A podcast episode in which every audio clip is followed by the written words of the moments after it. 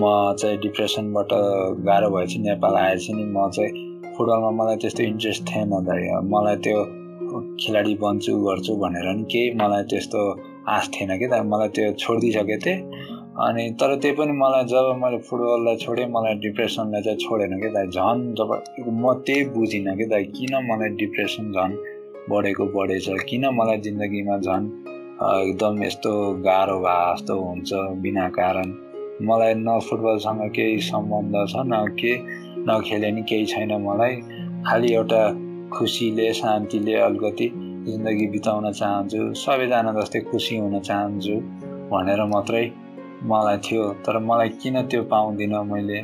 मलाई चाहिँ किन भित्रबाटै त्यो आउँदैन? मैले जति राम्रो बाहिर देखे पनि जति राम्रो मान्छे परिवार ठाउँ भेटे पनि उ गरे पनि किन मलाई त्यो भित्रको अन्धकारलाई चाहिँ किन मेरो त्यो डार्कनेसमा चाहिँ केही क कमै हुँदैन? किन मलाई भित्रबाटै म चाहिँ यस्तो यस्तो गुज्रिरहनु पर्यो हो? You're listening to Yo Nepali Life. Depression अथवा मेन्टल हेल्थ एउटा यस्तो विषय जुन हामी कुनै न कुनै तरिकाबाट आबद्ध छौँ। चाहे त्यो आफैलाई परेर होस् चाहे त्यो आफ्नो साथीभाइ परिवारको सदस्यलाई परेर होस् वा कुनै सामाजिक घटनाहरूबाट विभिन्न माध्यमबाट जानकारी पाएर पनि हामी केही हदसम्म यो विषयमा आबद्ध छौँ। तर डिप्रेसन मेन्टल हेल्थको बारेमा जे हामीलाई जानकारी छ के त्यो पर्याप्त छ? अवश्य पनि छैन। तर त्यही पनि हामी यस्तो गम्भीर विषयमा आफै अर्थ दिन्छौँ र आफ्नै मूल्याङ्कन गर्न थाल्छौँ। आज म परिचय शर्मा यो विषयमा केन्द्रित भएर यो नेपाली लाइफको नयाँ एपिसोड प्रस्तुत गर्दैछु। मैले यो विषयमा साँच्चै भन्ने हो भने गहिराएर चर्चा गर्न र यसको व्याख्या गर्न कदम कदापि सुहाउँदैन। म धेरै नै अनभिज्ञ छु र सिक्ने प्रयास गर्दैछु। त्यसैले मसँग एकजना यस्तो व्यक्ति छन् जसले करिब छ वर्षदेखि डिप्रेसनसँग लडिरहेका छन्। शान्तानु शर्मा। शान्तानु शर्माको आफ्नै कथा छ उसको आफ्नै व्यथा छ र उसको डिप्रेसनप्रति आफ्नै सङ्घर्ष पनि। यो एपिसोडमा सान्तानुको डिप्रेसनको कथामा हामी केन्द्रित हुनेछौँ। उसको डिप्रेसनको सुरुवात उसको समाजको उप्रति दृष्टिकोण विभिन्न बाधा अर्चन उसको सुसाइडल अटेम्प्ट र त्यसपछिको उसमा आएको परिवर्तनको हामीले व्याख्या गर्नेछौँ। मैले जब सान्तानुलाई यो एपिसोड सुरु गर्नुभन्दा अगाडि उसको लकडाउनको दिनचर्याको बारेमा सोधेँ उसको उत्तर भिन्न प्रकारको थियो। सान्तानु आफ्नो लकडाउनको दिनचर्याको बारेमा यसरी भन्छन्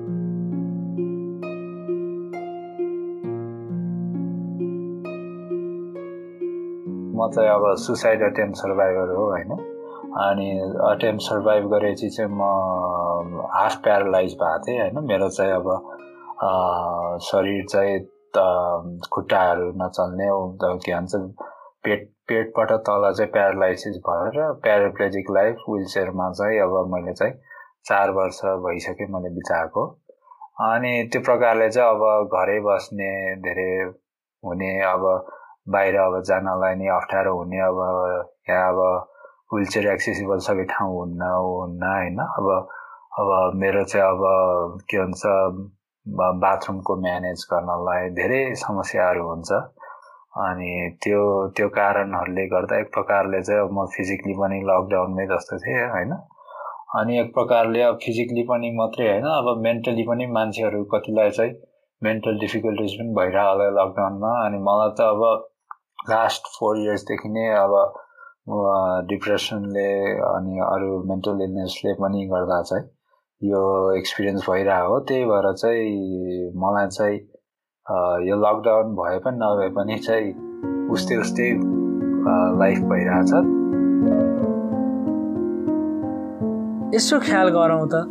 हामी केही सानो घटना घट्यो भने पनि म डिप्रेसनमा जान्छु कि क्या हो? अथवा कोही साथीभाइलाई निराश भएको देख्यो भने ओइ किन सेन्टिसस डिप्रेसनमा गइस् कि क्या हो? जस्ता वाक्यहरू प्रयोग गरेर डिप्रेसन मेन्टल हेल्थ जस्तो विषयलाई हलुका तरिकामा लिन्छौँ।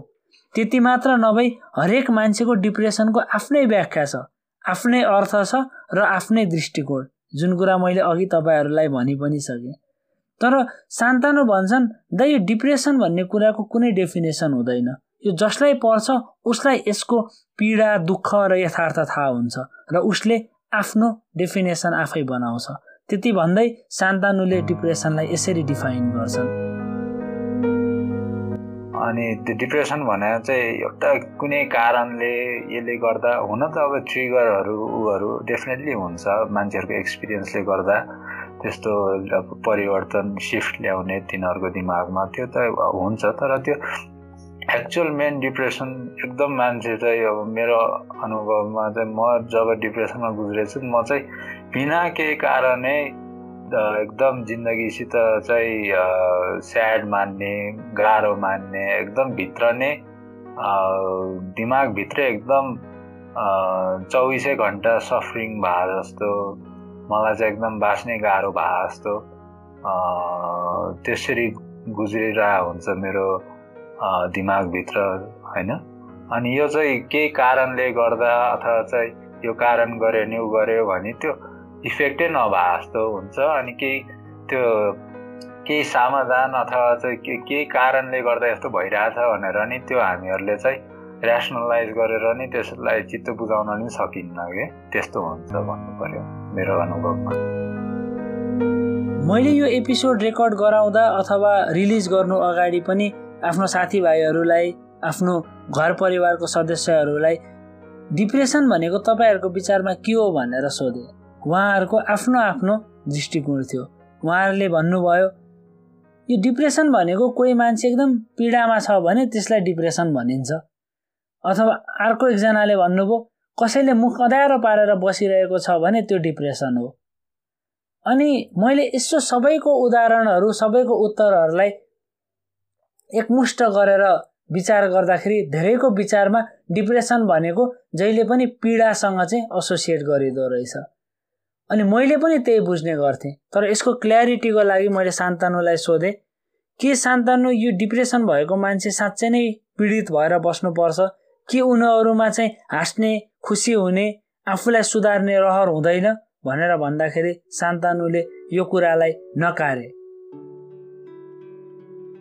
होइन नि दाइ त्यो त्यो साँच्चीकै होइन नि किनभने अब हामीहरूले चाहिँ अब बाहिर त यस्तै हो नि दाइ अब कति मान्छेको जिन्दगीमा के बितिरह होला भनेर त त्यो मान्छेलाई चाहिँ भित्र थाहा भएर भोगिरहेको हुन्छ। तर बाहिर त्यसले त हाँसेर अथवा चाहिँ रमाएर प्रस्तुत गराइसके हुन सक्छन्। होइन म मात्रै होइन अरू मान्छेहरू पनि कति छन् होला त्यहाँ त्यस्तो।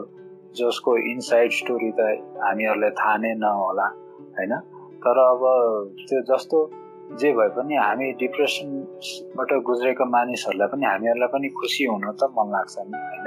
हामीलाई पनि कसलाई त्यस्तो स्याड भएर अथवा चाहिँ के भन्छ एकदम एक्लै बसेर अथवा चाहिँ आफ्नै थट्समा चाहिँ लस्ट भएर अथवा चाहिँ आफूलाई दुःख मानेर चाहिँ सफर गरेर यसरी गुज्रेर कसलाई बस्न मन लाग्छ र सबैजनालाई खुसी भएर त जीवन बाँच्न मन लाग्छ नि। अनि त्यही भएर चाहिँ तर हामीहरूको भित्र के हुन्छ र बाहिर के देखिन्छ भन्नेमा धेरै फरक हुन्छ जस्तो लाग्छ मलाई चाहिँ।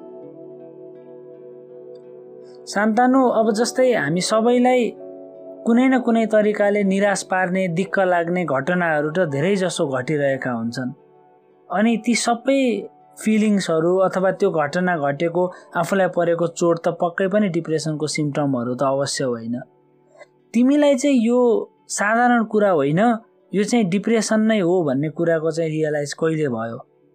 कि यसमा यो डिप्रेसनको लागि स्पेसिफिक सिम्टमहरू हुन्छ अथवा कुनै घटनाहरू हुन्छ? के गरी चाहिँ तिमीले यसको रियलाइज गर्यौ? सानदेखि युएसमै पढेको म होइन?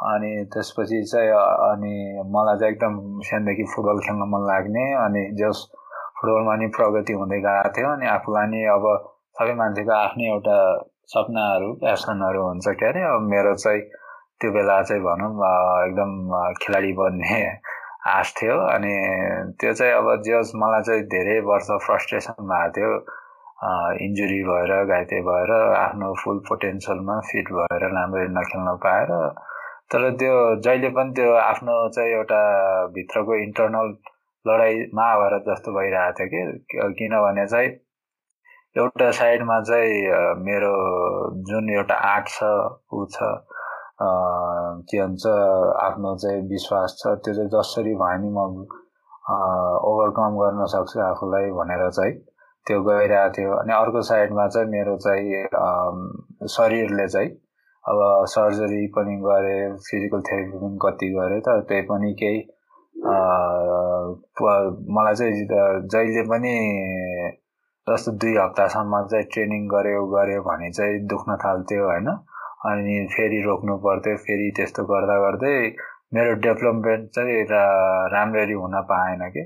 त त्यो त्यत्रो म चाहिँ चार वर्ष नै इन्जर्ड भइकन खेली खेली पनि म इम्प्रुभ त डेफिनेटली भएको थियो धेरै भएको थिएँ तर त्यही पनि मलाई चाहिँ एकदम कम्पिटेटिभ लेभलमा कलेजमा त्यहाँ खेल्नलाई चाहिँ एकदम समस्या भइरहेको थियो। अनि मलाई थर्ड इयरमा चाहिँ जब मौका पाएको थियो टिममा खेल्नलाई त्यो बेला चाहिँ मेरो फिटनेस लेभल चाहिँ मैले मिट नगर्न सकेर चाहिँ टिमबाट टिममा हुन दिएन मलाई निकालिदियो भनौँ होइन। अनि त्यो त्यो इन्सिडेन्ट गुज्रेपछि चाहिँ मलाई चाहिँ एकदम लौ मैले यत्रो वर्षसम्म आफूलाई धानेर बसेको थिएँ आफू आफूमा आत्मविश्वास कहिले नि मेटाएको थिएन जहिले पनि सङ्घर्षमा चाहिँ झन् बलियो हुँदै आफूलाई अगाडि ल्याइरहेको थिएँ अनि त्यो बेला चाहिँ मलाई कस्तो भयो भने लौ लौ अब त एकदम एउटा बर्न आउट जस्तो भयो कि दाइ अब कोसिस गर्दा गर्दा गर्दा लड्दा लड्दा थाके जस्तो भयो कि म अनि मेरो सपना पनि त्यही बेला चाहिँ जब मलाई अब अब फुटबल भन्ने चिज अब एनी खेलकुदमा चाहिँ अब एउटा एजको नि एकदम ठुलो फ्याक्टर हुन्छ। वास्तवमा भन्यो भने त म अलरेडी नै टु ओल्ड भनेर भन्थ्यो होला। मेजोरिटी मान्छेले कोचेस अथवा उसले लाइक प्रोफेसनलको विचार गर्नलाई पनि। तर आफूमा चाहिँ अब आफ्नो आँट र जागर र विश्वासले चाहिँ कहिले नि आफूलाई हार्न दिएको तर त्यो बेला चाहिँ अब शरीरले पनि एकदम लेट डाउन गर्दा गर्दा टिमबाट त्यो बेला चाहिँ निकाल्दा चाहिँ मलाई चाहिँ एकदम गाह्रो भएको थियो। आफ्नो सपना चाहिँ टुट्यो जस्तो भनेर। तर त्यही पनि अब ठिकै छ। अब के के गर्ने यसबाट भनेर चाहिँ म जहिले पनि त्यसरी सोच्न खोज्छु कि जिन्दगीमा चाहिँ। ल अब यो भयो। लाइक अब यसमा चाहिँ कसरी मैले चाहिँ अगाडि बढ्न सक्छु लाइफमा भनेर नि त्यो नि गर्न खोजिरहेको थिएँ। अनि मेरो पढाइ पनि सधैँ राम्रो थियो होइन? अनि साइकोलोजी पढिरहेको थिएँ। त्यहाँ थर्ड इयर भएको थियो मेरो अन्डर ग्राडको अनि पढाइ पनि राम्रै चलिरहेको थियो तर दुई हप्तापछि चाहिँ मलाई एक्कासी एकदम त्यो यो जुन यत्रो यो वर्षसम्म लडेको गरेको चाहिँ यो थकाइ भनौँ यो थकाइ चाहिँ एकदम त्यो जब हामीहरूले एउटा बलुनभित्र चाहिँ फुक्छौँ नि धेरै प्रेसर भएपछि बलुन पनि पड्किन्छ नि त्यस्तै म चाहिँ पड्केँ जस्तो भयो भयो क्या त्यो बेला चाहिँ एकदम मैले मलाई लाइफले चाहिँ एकदम अनफेयर बनाए जस्तो फिल भयो होइन? अनि एक प्रकारले चाहिँ मेरो बाबा मामुको मेहनत पनि यत्रो मेहनत गर्नुभन्दा किन मैले चाहिँ एक प्रकारले चाहिँ म चाहिँ एकदम लेट डाउन जस्तो फिल भयो क्या मलाई चाहिँ आफूले आफूलाई चाहिँ। होइन उहाँ उहाँहरूको लागि नि फेयर भएन नि यस्तो लाइक उहाँहरूले कति गर्नुभएको छ मेरो लागि। अनि किन मलाई चाहिँ यस्तो गुज्रियो जस्तो। एकदम मिक्स्ड इमोसन्सहरू आइरहेको थियो कि दाइ होइन? त्यो बेला चाहिँ। फर्स्ट टाइम सुसाइडल थट आएको चाहिँ जिन्दगीमा त्यही बेला हो भन्नु पर्यो। जति मैले बुझेको छु अथवा मैले जानेको छु र तिम्रै कन्भर्सेसनबाट पनि मैले थाहा पाएको छु होइन? एउटा डिप्रेसन भएको मान्छेलाई चाहिँ सिम्पथी भन्दा सपोर्टको एकदम जरुरी हुन्छ। विशेष गरी परिवारका सदस्य र साथीभाइहरूको। जति मैले बुझेको छु र देखेको छु तिम्रो फ्यामिली तिम्रो प्यारेन्ट्सबाट चाहिँ एकदमै सपोर्ट मिलेको छ जस्तो मलाई लाग्छ। तर साँच्चै भन्दा जस्तो सुकै प्यारेन्ट्स भए पनि आफ्नो सन्तानलाई डिप्रेसन भएको सुन्दा अथवा अगाडि नै देखिराख्दा दिनदिनै साह्रै नै पीडा हुन्छ जस्तो लाग्छ मलाई। तर तिम्रो केसमा चाहिँ तिम्रो आफ्नो अनुभव अनुसार तिमीलाई कतिको प्यारेन्ट्सको सपोर्ट मिलेको छ जस्तो लाग्छ र यो तिम्रो दुइटै देशको अनुभव छ अमेरिका र नेपालको। यी दुईटा देशहरूमा चाहिँ डिप्रेसनप्रति समाजले हेर्ने दृष्टिकोणमा कतिको फरक पाएका छौ तिमीले? मेरो प्यारेन्ट्स चाहिँ अब म चाहिँ अब कृतज्ञ छु कि जिन्दगीभरि नै उहाँहरू सपोर्ट गर्नुभएको छ मेरो साथ दिनुभएको छ होइन हरेक कदममा होइन। तर अब मैले उहाँहरूलाई त्यस्तो कुरा सेयर गरे पनि सायद उहाँहरूले नि बुझ्नुहुन्न मलाई कस्तो फिल भयो होला भनेर चाहिँ अनेस्टली मलाई त्यो चाहिँ फिल चाहिँ भएको थियो होइन? अब त्यो बुझ्न नि सकिन्न नि। जसले अब भोगिरहेछ गुज्रिरहेछ त्यो मान्छेलाई त थाहा हुन्छ नि। ऊ त्यो मान्छेलाई के भइरहेछ भनेर हामीहरूले बाहिरबाट भन्नै सक्दैनौँ नि वास्तवमा भन्यो भने त होइन? मलाई चाहिँ कस्तो लाग्छ नि यस्तो कुराहरूमा चाहिँ अब युएसमा चाहिँ अझै सेन्सिटिभली अझै सिरियसली लिन्छन् होइन? नेपालमा चाहिँ हे के कुराहरू यस्तो अथवा चाहिँ ऊ भनेर चाहिँ अलि नराम्रो नगरले अथवा चाहिँ एकदम लाइटली लिन्छन् अथवा नराम्रो नगरले लिन्छन् अनि अलि यहाँ चाहिँ बढी स्टिगमा छ ट्याबु जस्तो छ जस्तो लाग्छ मलाई चाहिँ एउटा होइन मेन्टल हेल्थ डिप्रेसनको पट्टि उता युएसमा भन्दा भन्नु पर्यो मैले चाहिँ होइन सुसाइड एउटा यस्तो विषय जुन शब्द सुन्दैमा पनि हाम्रो शरीर सिरिङ्ग भएर आउँछ मनमा पनि डर पस्न थाल्छ।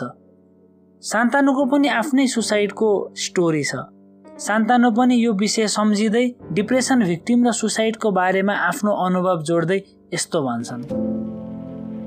मलाई कस्तो लाग्छ भने सुसाइडल थट आउनु र सुसाइड अटेम्प गर्नुमा धेरै फरक छ वास्तवमा भन्यो भने किनभने अब कोही मान्छेलाई चाहिँ अब केही भनौँ न केही घटना अथवा चाहिँ केही केही भयो अथवा चाहिँ कोही बेला चाहिँ अब विभिन्न कारणको लागि अब मानिसलाई अब कति थटहरू आइरहेको हुन्छ कति कहिले नेगेटिभ थटहरू पनि होला कहिले अब म त बाँच्नै सक्दिनँ यस्तोमा भन्ने फिल भयो होला कहिले हुन सकेका हुन्छ होइन? अनि त्यसको लागि नै डिरेक्टली डिप्रेसनले भन् भन्दा पनि अब त्यो डिप्रेसनमा पनि अब त्यो अचानक आउने चिज जस्तो हो कि? अब कोही मान्छेलाई चाहिँ अब त्यो आएर नै सुरुमा त्यो एक्ज्याक्टली यस्तरी डिप डिप्रेसनमा नगुज्रे पनि आउन सक्छ। कोही मान्छेलाई एकदम डिप डिप्रेसनमा गुज्रेपछि एकदम पछि आउन पनि सक्छ। कतिलाई चाहिँ अब एकदम डिप्रेसनमा भए पनि एक्ज्याक्टली यस्तै आछ भनेर भन्न पनि सकिन्न कि त? एकदम त्यो एउटा ब्ल्याक एन्ड व्हाइट कुरो होइन त्यो होइन। अब थट्सहरू भन्ने चिज त दिमागमा त आइरहने जाइरहने हुन्छ। कति मान्छेलाई कति मान्छेलाई डिप्रेसन नभएको मान्छेलाई पनि अरू केही समस्या भएको मान्छेलाई अथवा केही घटना भएर सुसाइडल थट आएको नि हुनसक्छ। फर्स्ट टाइम चाहिँ मेरो एउटा हाई स्कुलको फोटो थियो ग्रेजुएसनको प्यारेन्ट्ससित लिएको। अनि त्यसमा चाहिँ मैले त्यही इन्सिडेन्टमा जुन मैले एकदम एकदम त्यो रोएर अनि बल फालेर बसेको थिएँ त्यो इन्सिडेन्टमा त्यही बेला चाहिँ मलाई चाहिँ कस्तो आफ्नो मामु त्यो फोटोमा हेर्दा चाहिँ रुन थाल्यो कि? किनभने मलाई चाहिँ कस्तो थट आएको थियो नि त्यही बेला चाहिँ ठ्याक्क। म चाहिँ एउटा ब्रिजमा चाहिँ दौडेर चाहिँ जम्प अफ गरे जस्तो भनेर चाहिँ मलाई फर्स्ट टाइम चाहिँ सुसाइडल थट आएको भनेको त्यस्तो हो। तर त्यो बेला नि एकदम त्यो एउटा मुभी सिनको जस्तो अथवा एउटा फ्यान्टेसी टाइपको जस्तो चाहिँ त्यो एउटा थट मात्रै थियो कि भाइ त्यो बेला चाहिँ। अनि त्यो चाहिँ अब एकदम त्यो फ्रस्ट्रेसन एकदम त्यो एकदम मलाई जिन्दगीमा एकदम भन्नु न एक प्रकारले चाहिँ आई फिल लिटल लाइफ मलाई अनफेयर भएर अनि यति दुःख पाएँ मैले चाहिँ जस्तो फिल भएर चाहिँ मलाई एक प्रकारले चाहिँ मलाई चाहिँ त्यो त्यसरी चाहिँ एज अ बाई प्रडक्ट त्यस्तो थट अचानक आएको थियो होइन।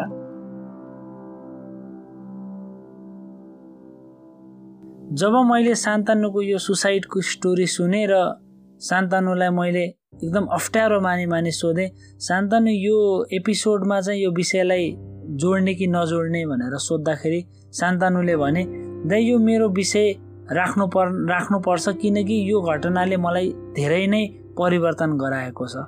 मैले यो घटनापछि धेरै कुरा सिक्न पाएको छु। त्यति भन्दै उसले आफ्नो फेब्रुअरी टु थाउजन्ड सिक्सटिनको घटनालाई यसरी व्याख्या गरे अनि म साँच्चै नै म साँच्चै नै धेरै नै भावुक भएँ। मैले चाहिँ दाइ त्यो अटेम्प्ट गर्ने स्टेजमा पुग्ने भन्दा अगाडि चाहिँ मैले एब्सोल्युटली एभ्रिथिङ मैले जे गर्न सक्थेँ मेरो कोसिसबाट मैले आफूलाई मेन्टल्ली बेटर बनाउनलाई मैले त्यो hundred and ten percent try गरेको थिएँ कि दाइ। जस्तो अब म नेपाल आएँ त्यो ब्रेक लिएर अनि मलाई चाहिँ नेपाल आएपछि अवस्थामा भन्यो भने मलाई फुटबलमा चाहिँ त्यो इन्ट्रेस्ट पनि हराइसकेको थियो क्या त। मलाई चाहिँ अलिकति खुसी शान्तिले चाहिँ जिन्दगी बिताउँ एउटा काम गरौँ यसो परिवारलाई धानौँ भन्ने मात्रै एउटा एउटा इच्छा हुन्छ नि सबैजनालाई। मलाई पनि त्यस्तै थियो होइन? अनि त्यो बेला चाहिँ कस्तो हुन थाल्यो नि मैले अब त्यो फुटबल जस्तो मेरो बाबा र मेरो एकदम फुटबल हेर्ने रिलेसनसिप थियो सानोदेखि होइन। अनि म उहाँले फुटबल हेर्दा नि मलाई एकदम हेर्नु मन लाग्दैन थियो। मलाई त्यो इन्ट्रेस्टै थिएन क्या दाइ त्यही भएर चाहिँ डिप्रेसनको कारण फुटबलको कारण आई मिन फुटबलको कारणले उसलाई चाहिँ डिप्रेसनले अटेम्प गर्यो भनेर त्यो पटक्कै भन्न मिल्दैन कि किनभने चाहिँ त्यो डिप्रेसन भन्ने चिज मैले सुरुमा भने नि हजुरलाई यो डिप्रेसनमा गुज्रेको मान्छे चाहिँ त्यो बिना कारण डिप्रेस्ड भएर चाहिँ बिना कारण उसलाई चाहिँ यो सफोकेसन भएर चाहिँ इन्टर्नल हेल्थ जस्तो लिभ गरेर उसले आफ्नै दिमागभित्र ऊ आफै नर्कमै बसेर चाहिँ बसे जस्तो उसलाई चाहिँ एकदम महसुस हुन्छ। अनि त्यो मलाई चाहिँ नेपाल आएर झन् बढ्यो साइकियाट्रिस्टहरूको हेल्प पनि मागे गरेँ तर उहाँको मेडिकेसन हेल्पले पनि मलाई चाहिँ झन् नेगेटिभ इम्प्याक्ट जस्तो पारेको थियो त्यो बेला चाहिँ होइन? साइड इफेक्टहरू अनि त्यसपछि चाहिँ अब बाहिरतिर काठमाडौँ बाहिरतिर घुम्न पनि गएको थिएँ म। अनि नयाँ रिलेटिभ यस्तो राम्रो ठाउँहरू भेट्दा गर्दा पनि यति राम्रो चिजहरू देख्दा पनि भित्रबाट चाहिँ मलाई यो स्याडनेस आइरहन्थ्यो चाहिँ होइन? मैले बुझ्दै बुझ्दैन थिएँ कि किन मैले चाहिँ यति यस्तो दुःख मान्नु पर्यो होला यस्तो राम्रो मान्छेहरू यस्तो राम्रो ठाउँमा आएर पनि भेट्दा गर्दा यति माया पाउन पनि मलाई भित्र भित्रबाट यस्तो किन गुज गुज्रिरह होला भनेर चाहिँ मलाई चाहिँ यो सफोकेसन हुने या भित्र चाहिँ अनि मलाई चाहिँ गाह्रो भएर बाँच्ने गाह्रो भए जस्तो हुने चाहिँ अझै भइरहन्थ्यो चाहिँ होइन अनि म चाहिँ नेपाल बसेर केही भएन भनेर चाहिँ फर्केँ युएसमा युएसमा फर्केपछि नि झन् मैले खालि युएस गएर मेरो खालि डिग्री कम्प्लिट गर्छु अनि त्यसपछि जिन्दगीलाई अगाडि बढाउँछु भनेर मेरो त्यो मात्रै लक्ष्य थियो चाहिँ। मलाई त्यो फुटबल रमाइलोको लागि खेल्यो ठिकै छ भनेर चाहिँ मलाई केही छैन चाहिँ त्यो त्यस्तो ऊ चाहिँ होइन। लाइक एकदम त्यो हुन्छ नि साइड इन्ट्रेस्ट जस्तो अथवा चाहिँ अब इन्ट्रेस्ट पनि के भनौँ त्यो बेला त मलाई त मतलबै थिएन। तर त्यही पनि म चाहिँ त्यहाँ गएपछि कस्तो भयो भने म एकाडेमिकली केही गर्न नै सकिनँ क्या त कम्प्लिटली मेरो दिमागै काम गरेन। अब साइकोलोजीको एडभान्स कोर्समा बस्दाखेरि मैले पुरानो सिकेको कुराहरू नै फन्डामेन्टल्सहरू नै बिर्सिएँ पटकै रिकलै नगर्न सक्ने अनि असाइनमेन्ट गर्न खोज्यो भने एक प्याराग्राफ पढ्न नसक्ने टाउको दुखेर यस्तो खतम हुन्थेँ म। अनि त्यसपछि मान्छेसित कोही एउटा कन्भर्सेसन गर्न लायो भने टाउको दुख्ने एकदम अनि कसैसँग चाहिँ भन्नु न एक प्रकार कसैसँग नि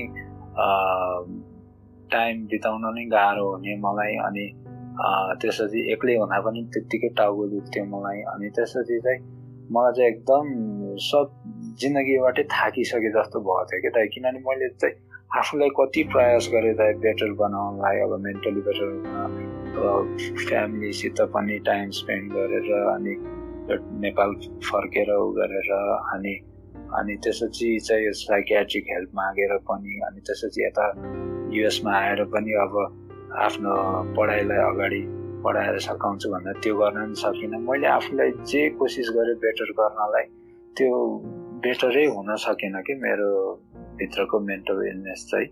अनि त्यस्तो यस्तो स्थितिसम्म गुज्रियो कि म जिन्दगीमा चाहिँ डेड एन्डमा जस्तो भयो कि फिल किनभने मलाई चाहिँ अब स्कुलले चाहिँ म एकाडेमिकली केही गर्न सकिनँ भनेर मलाई फेरि फर्काइदियो कि नेपाल नेपाल जानलाई भनेर भन्यो मलाई। अनि त्यो बेला मैले मिटिङमा के थिएँ म त नेपालबाट भर्खर आएको हो यहाँ। म त फेरि गएँ भने त लाइक खतम भइसक्यो नि मेरो जिन्दगी। अब त मैले त्यो सबै चिज जे गर्न सक्छु जे एडभाइस अरूहरूले दिएछ अथवा जे हेल्प मागेछु त्यो सबै गर्दा पनि मलाई हेल्प नभएपछि के गर्ने? म त नेपाल गएँ भने त सुसाइड अटेम्प्टै गर्छु भनेर चाहिँ मैले त्यो बेला नि भनेको थिएँ।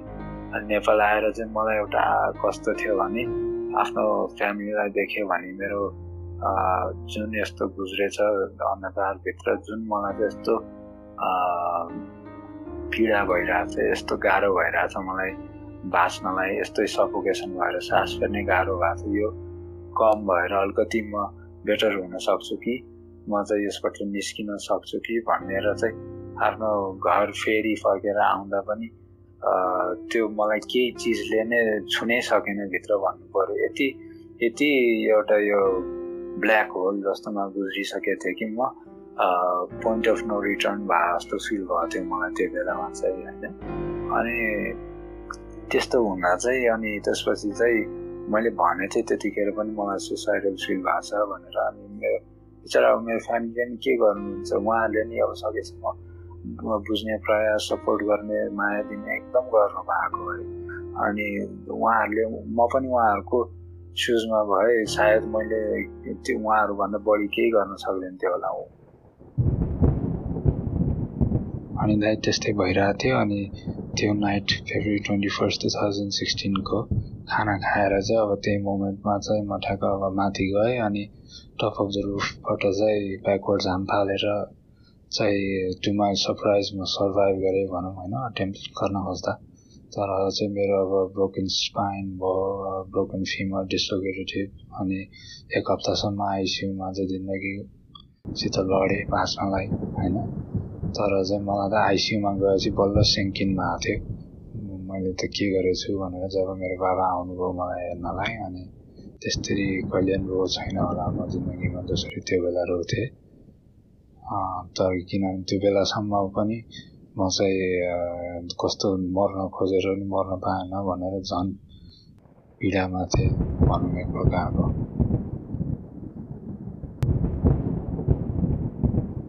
सेप्टेम्बर टेन यानि कि वर्ल्ड सुसाइड प्रिभेन्सन डे जुन टु थाउजन्ड थ्रीदेखि ग्लोबली सेलिब्रेट गरिन्छ। साँच्चै भन्दा यो एपिसोड डेभलप गर्दा मात्र मैले यो दिनको बारेमा जानकारी पाएँ। यस्तो महत्त्वपूर्ण विषयमा गभर्मेन्ट लेभल एनजिओ आइएनजिओबाट बिरलै कार्यक्रम हुन्छन् नेपालमा। अनि मैले के पनि रियलाइज गरेँ भन्दा सुसाइड कसैले गर्छु भनेर गर्दैन। एउटा यस्तो मुमेन्ट आउँछ जसले मान्छेलाई बाध्य बनाएर त्यो कदम लिनुपर्ने अवस्थामा पुर्याउँछ सान्तानुले पनि आफ्नो सुसाइड पछिको आफ्नो चेन्जेसहरू आफूमा आएको परिवर्तनलाई हाँसी हाँसी हामीलाई यसरी सेयर गर्छन्। समयसम्म जिन्दगी चाहिँ अब पुरै तलैबाट सुरु गर्न परेको थियो जस्तो भयो मलाई चाहिँ। होइन अब मेरो चाहिँ अब जिन्दगी हेर्ने दृष्टि नै बद्लियो भनौँ एक प्रकारले। होइन अनि त्यसपछि चाहिँ मलाई कस्तो लाग्न थाल्यो भनेलाई यो हामीहरूले चाहिँ मेन्टल हेल्थ लाइफ भन्ने चिज त अब कतिसम्म म चाहिँ अब त्यो अटेम्प पछि पनि डिप्रेसनमा गुज्रेँ सुसाइडल थट्स कति आयो। तर मलाई चाहिँ एउटा लाइफको चाहिँ एकदम अर्कै एक्सपिरियन्स भयो अनि आफ्नो दुःख आफ्नै ठाउँमा छ ऊ छ होइन? तर हामीहरूले चाहिँ हाम्रो भूतकाल जस्तो भए पनि के भन्छ प्रेजेन्टमा चाहिँ अहिले वर्तमानमा चाहिँ बाँच्न सिक्यौँ भने खुसीले कृतज्ञ साथ बाँच्न सिक्यौँ भने त जिन्दगी जस्तो नराम्रो पहिला गुज्रे पनि अहिले चाहिँ खुसीले चाहिँ गुज खुसीले बिताउन सकिँदो रहेछ भन्ने चाहिँ मैले चाहिँ अनुभव चाहिँ गर्न थालेँ स्पेसली चाहिँ यो लकडाउनको पिरियडमा भन्नु पऱ्यो मैले होइन? यो इयर भन्नु पऱ्यो होइन? अनि मलाई चाहिँ अहिले कस्तो लाग्छ निलाई जे जस्तो त्यो अनुभवले त्यो त्यो म अन्धकारमा भएर त्यस्तो एक्सपिरियन्स भएर मलाई चाहिँ अझै अझै बलियो मानिस बनायो अझै अझै मलाई चाहिँ ज्ञान दियो। अनि अझै मैले जिन्दगी भने के हो भन्ने अर्थ नै अझै बुझेँ। यसो गइरहेर बुझ्दाखेरि नेपाली समाजमा चाहे त्यो अशिक्षित व्यक्तिले होस् अथवा शिक्षित व्यक्तिले नै होस् डिप्रेसन भिक्टिम र सुसाइड अटेम्प गर्ने मान्छेलाई केही न केही हदसम्म घृणाको रूपले हेरेको देखिन्छ। जुन आफैमा एउटा गलत कुरा हो। यस्तै व्यक्तिहरूप्रति सान्तानुको आफ्नो छुट्टै एक्सपेक्टेसन छ। उनीहरूको सोच बदल्नको लागि सान्तानुले विभिन्न कार्यक्रम अथवा विभिन्न एफर्टहरू लगाइरहेको पाइन्छ। हामीहरूले चाहिँ आन्सर अलरेडी ए यस्तो हो तिम्रो यस्तो हो भनेर भन्नुभन्दा राम्ररी त्यो मान्छेले के भन्न खोज्या होला भनेर के बितिरह होला भनेर त्यो सुनिदिनु प्रयास गरिदिनु नै यसमा धेरै ठुलो कुरो छ जस्तो लाग्छ मलाई मेन्टली कोही मान्छेलाई गाह्रो भएको भएले कोही त्यसलाई चाहिँ ए तँलाई यस्तो भयो यसो यसो गर त्यसो यो गरिन्छ हुन्छ भनेर भन्नुभन्दा पनि त्यसको कुरा सुनिदिनु र उसको साथ दिनु चाहिँ ठुलो महत्त्व हुन्छ जस्तो लाग्छ दाइ मलाई। अनि हाम्रो समाजमा नि त्यही एउटा एउटा सपोर्ट ग्रुप जस्तो दिने प्रयासमा चाहिँ मैले मैले र एकजना साथी मिलेर चाहिँ एउटा पाइला भन्नेको संस्था खोलेको हो होइन? अनि त्यसमा चाहिँ हामीहरूले चाहिँ एउटा सपोर्टिङ इन्करेजिङ इन्भाइरोमेन्ट हो जहाँ चाहिँ मान्छेहरूलाई एनी मेन्टल डिफिकल्टिज भएको बेला अथवा स्ट्रेस भएको बेला चाहिँ ओपन अप गर्न चाहिँ it's okay not to be okay open up गर्न सेयर गर्न नराम्रो होइन। भलनरेबिलिटी भन्ने कुरा त सबैलाई फिल हुन्छ नि। मलाई पनि हुन्छ। मलाई नि यहाँ आएर चाहिँ अब भलनरेबल फिल होला के होला? तर यो भलनरेबल फिल हुने भनेर त मैले चाहिँ एउटा त्यसमा त तागत पनि देख्छु कि। एउटा विकनेस भनेर भन्दा। किनभने हामीले भर्नबल भनेर आफूलाई देखायौँ प्रस्तुत गऱ्यौँ। आफ्नो भर्नबल देखायौँ भने त अरूहरूले पनि हाम्रो अरूहरूले पनि देख्छन् ए यो मानिस त म जस्तै रहेछ अथवा कुनै लेभलमा चाहिँ कनेक्ट गर्न सक्छन्। हामीहरूले चाहिँ एकअर्कासित झन् कमन देख्न सक्छौँ नि मलाई नि केही भर्नबिलिटी छ भने हजुरलाई नि केही होला अरू कोही सुन्ने व्यक्तिलाई नि केही होला हिलिङ पनि हुन्छ जस्तो लाग्छ मलाई। अनि जब हामीहरूले केही सेयर गर्छौँ त्यो चाहिँ हाम्रो एउटा विकनेस अथवा भनबिलिटी भन्दा पनि त्यो चाहिँ हाम्रो भित्र भएको एउटा स्ट्रेन्थ हो नि जस्तो लाग्छ मलाई किनभने कति करेज चाहिन्छ कोही मान्छेलाई ओपन अप गरेर यस्तो कुरा बोल्नलाई अथवा कुनै कुनै जस्तो भए पनि किसिमको प्रब्लमको बारेमा चाहिँ ओपन अप गरेर बोल्नलाई त त्यो मान्छेभित्र एकदम आत्मा बल भएको मान्छेले मात्रै त्यस्तो आएर अगाडि बोल्न सक्छ जस्तो लाग्छ। हामीले सोच्छौँ डिप्रेसन भएको मान्छे सधैँ डिमोटिभेटेड हुन्छ तर त्यो बिल्कुल गलत हो। सान्तानुलाई मैले विगत केही वर्षभन्दा धेरै अप्टिमिस्टिक पाएको छु। आफू मात्र नभई उसले अहिले विभिन्न कार्यक्रम मार्फत र आफ्नो संस्था पाइलाको मार्फत अरूलाई पनि मोटिभेट गर्दै आइरहेको छ। हामी लकडाउनमा बस्दाखेरि कति कम्प्लेन गऱ्यौँ? यता जान पाइनँ उता जान पाइनँ कतै घुम्न पाइएन। तर सान्तानुको विगत चार वर्षबाट लाइफ नै लकडाउनमा छ। उसले त्यही पनि के भन्छ भने फिजिकली लकडाउनमा भए पनि मेन्टली लकडाउनमा कोही पनि नहुनु होला साथै उसले हाँसी हाँसी हाम्रो लिस्नरहरूलाई उसको एडिसनल सुझाव यसरी दिन्छ।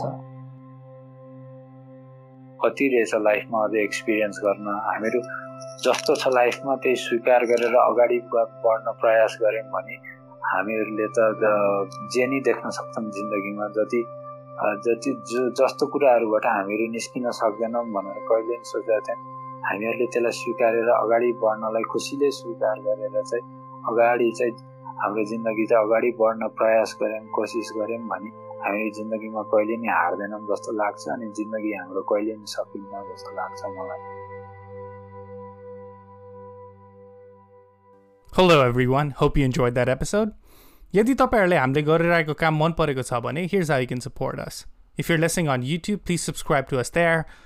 and if possible, leave a comment on our video.